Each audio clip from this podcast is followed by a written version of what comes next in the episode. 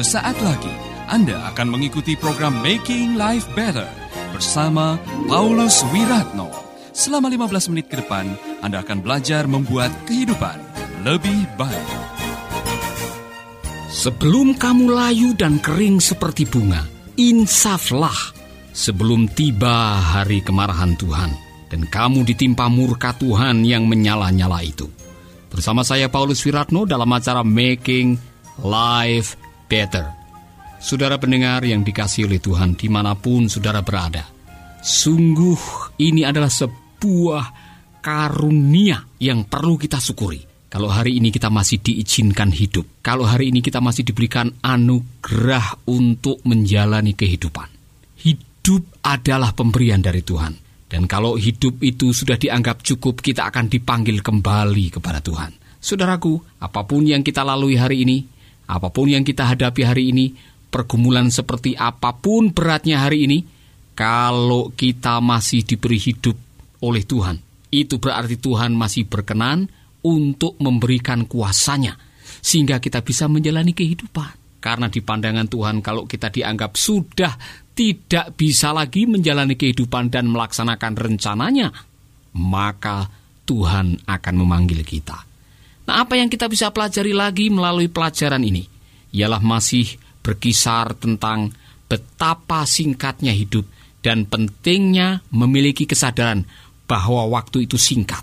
Mari kita akan mendengarkan apa yang dikatakan oleh Amsal pasal 27 ayat yang pertama tadi. Janganlah membual tentang hari esok, karena engkau tidak tahu apa yang akan terjadi nanti. Nah, apa yang dimaksudkan dengan janganlah membual tentang hari esok? Itu maksudnya begini, saudara.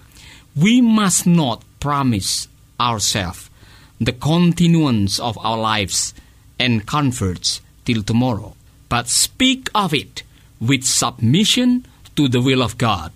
Saudaraku, artinya jangan sampai kita begitu yakin dalam arti seolah-olah kita mengatakan kepada diri sendiri begini, beres pokoknya hari esok saya yang punya, kamu ndak usah berdoa, ndak usah minta kehendak Tuhan dan sebagainya, esok kita masih bisa hidup. Jangan sampai kita sesumbar seperti itu. Karena apa? Di dalam pikiran seperti itu kita menganggap seolah-olah kita yang memiliki hari esok. Memang kita tidak perlu mengkhawatirkannya. Kita cukup menyerahkan semua yang kita cemaskan mengenai hari esok ke dalam tangan Tuhan. Karena apa? Tuhan yang memiliki hari esok. Oleh karena itu, we must speak of it with submission to the will of God. Kita harus berbicara dalam konteks kalau Tuhan menghendaki. Jadi benar apa yang dikatakan oleh saudara-saudara kita yang suka menggunakan istilah jika Tuhan mengizinkan atau insya Allah. Seorang penafsir pernah mengatakan begini, This boasting is foolish and presumptuous, for the future is God's, not a moment of the future is in our own power. Kita tidak boleh membual tentang hari esok, karena masa depan itu adalah milik Tuhan.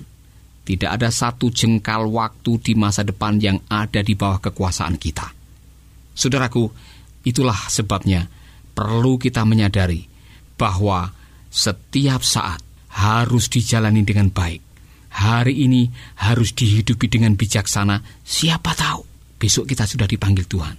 Karena kita manusia adalah makhluk yang terbatas. Kita tidak punya kuasa untuk mengontrol hari esok.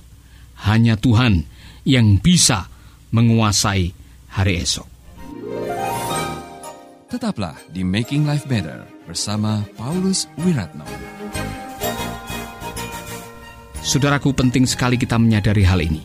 Kesadaran bahwa hari esok ada di tangan Tuhan membuat kita mensyukuri setiap hari sebagai sebuah anugerah yang harus kita hidupi dengan baik. Kesadaran itulah juga yang bisa mendorong kita untuk hidup dengan hati-hati. Benarlah apa yang dikatakan oleh kitab Sefanya pasal 2 ayat 1 dan 2. Hai bangsa yang tidak tahu malu, sadarlah sebelum kamu layu dan kering seperti bunga. Insaflah sebelum tiba hari kemarahan Tuhan dan kamu ditimpa murka Tuhan yang menyala-nyala itu. mumpung kita belum memasuki kematian, mari kita menyadari hidup ini harus dijalani dengan baik. Dengan cara bagaimana? Insaf, sadar, bertobat. Jalanilah kehidupan yang baik, sehingga waktu kita menghadapi kematian, kita menghadapinya dengan baik. Saudaraku, apa yang dikatakan oleh Amsal Soleman 27 ayat 1 memang benar dan harus kita hidupi dengan baik.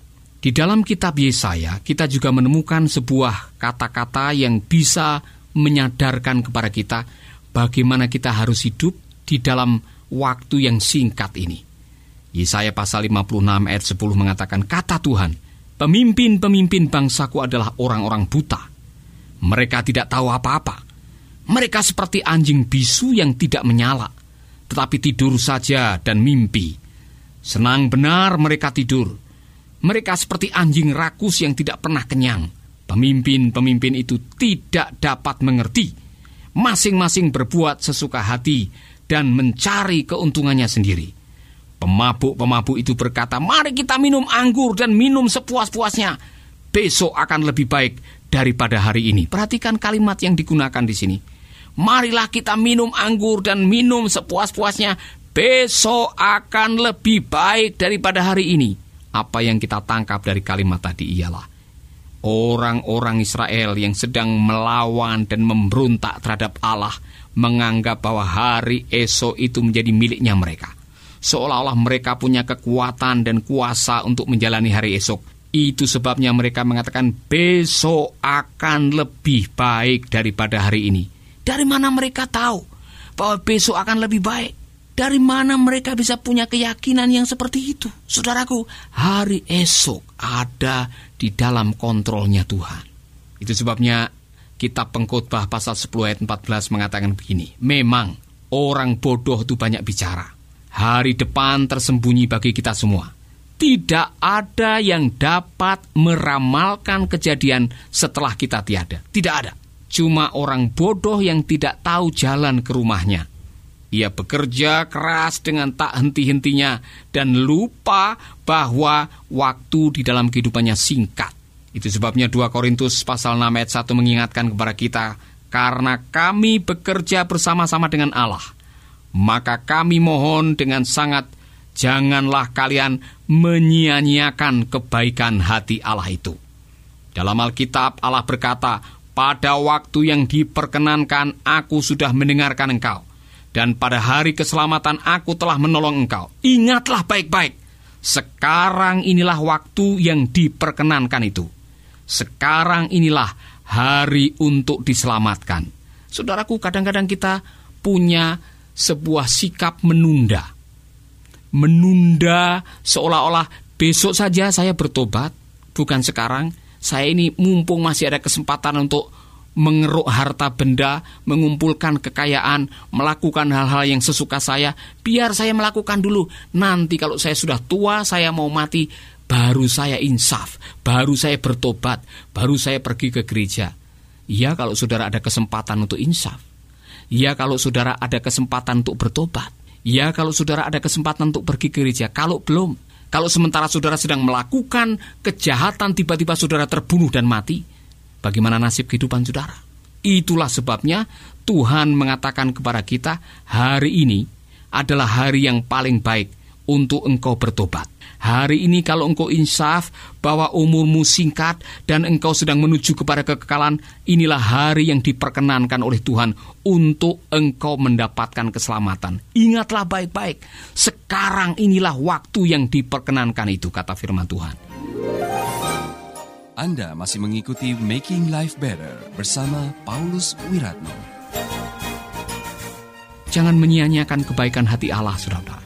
Kalau saudara sedang mendengarkan program ini, dan saudara tahu bahwa saudara sedang bermain-main dengan hidup, saudara tahu bahwa saudara sedang melanggar firman Allah, saudara tahu dalam hati saudara-saudara sedang dikejar-kejar dengan rasa bersalah karena saudara melakukan kebodohan demi kebodohan, saudara melanggar firman Allah, saudara melecehkan orang, saudara sedang menghancurkan rumah tangga saudara, saudara sedang hidup bergelimang dosa, dan saudara tahu jauh di lubuk hati saudara-saudara ingin berhenti sekarang, tapi saudara tidak punya kekuatan. Dan firman Allah datang kepada saudara hari ini, hari ini adalah kesempatan, hari yang diperkenankan oleh Allah untuk engkau bertobat, dan jangan menyia-nyiakan kebaikan Allah, karena hari ini adalah hari anugerah.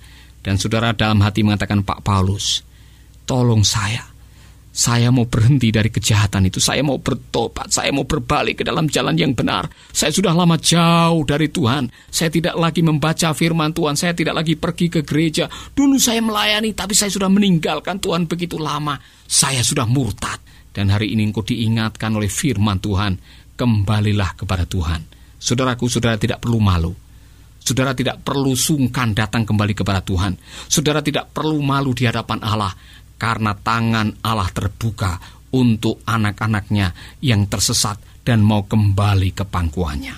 Saudaraku, kalau saudara adalah orangnya, saya akan mengajak saudara untuk berdoa. Dan doa ini menjadi doa pertobatan saudara. Mari kita akan berdoa. Kalau saudara sedang mengemudikan kendaraan dan saudara mau minggir sebentar, berhenti, berhentilah sebentar. Saudara sedang melakukan pekerjaan-pekerjaan yang bisa ditinggal, tinggalkanlah sebentar. Mari kita akan berdoa dan merasakan jamahan kuasa roh Allah mengalir dalam kehidupan kita. Bapa kami di dalam surga, aku datang kepadamu mengakui semua kesalahan dan dosa-dosaku. Tuhan, aku sudah jauh meninggalkan Engkau. Aku sudah kehilangan cinta mula-mula. Aku sudah tersesat. Aku sudah tidak lagi mendengarkan kebenaran firman-Mu. Aku lebih mengikuti suara hati dan kedaginganku dan hidupku hancur berantakan, rumah tanggaku terancam, dan masa depanku menjadi suram. Hari ini aku datang kepadamu Tuhan dengan kerendahan hati. Aku bertobat. Aku minta ampun Tuhan. Ampunilah kesalahan dan dosaku. Dan aku sekarang mau kembali ke dalam jalanmu yang benar. Aku mau kembali membaca firman. Kembali beribadah. Dan datang kepadamu ya Tuhan. Terima kasih untuk kasih setiamu yang tidak pernah berkesudahan. Di dalam nama Yesus kami berdoa. Amin. Haleluya. Hari ini Tuhan menyambut kedatangan saudara. Hari ini surga bersorak-sorai oleh karena saudara telah kembali ke pangkuan Bapa. Saudaraku, jangan lupa hubungi gereja setempat, hubungi hamba Tuhan. Datanglah ke kelompok-kelompok sel atau dalam ibadah rumah tangga, supaya saudara bisa bertumbuh di sana dan saudara menjadi orang percaya yang kuat, menjadi murid Yesus yang berbahagia. Dan jangan lupa, belajarlah dari kebodohan yang pernah saudara lakukan. Tuhan memberkati saudara, dan jangan lupa dengarkanlah seri Making Life Better yang berikutnya, karena saudara akan diberkati dan membuat kehidupan saudara menjadi lebih baik. Amin. Baru saja Anda mendengarkan Making Life Better bersama Paulus Wiratno. Jika Anda diberkati, kirimkan kesaksian Anda ke Radio Dian Mandiri Jalan Intan LC2 Gang 4 Nomor 1 Denpasar, Bali. Kunjungi website kami di www.pauluswiratno.org Facebook Paulus Wiratno Hubungi kami di 081338 665500. Sekali lagi 081338 665500. Terima kasih, Tuhan memberkati.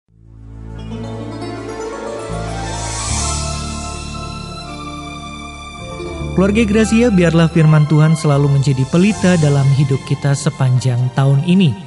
Dengarkan selalu radio Suara Gracia di 95,9 FM, streaming di suaragratiafm.com streaming atau dengan aplikasi Android Radio Suara Gratia yang tersedia di Play Store.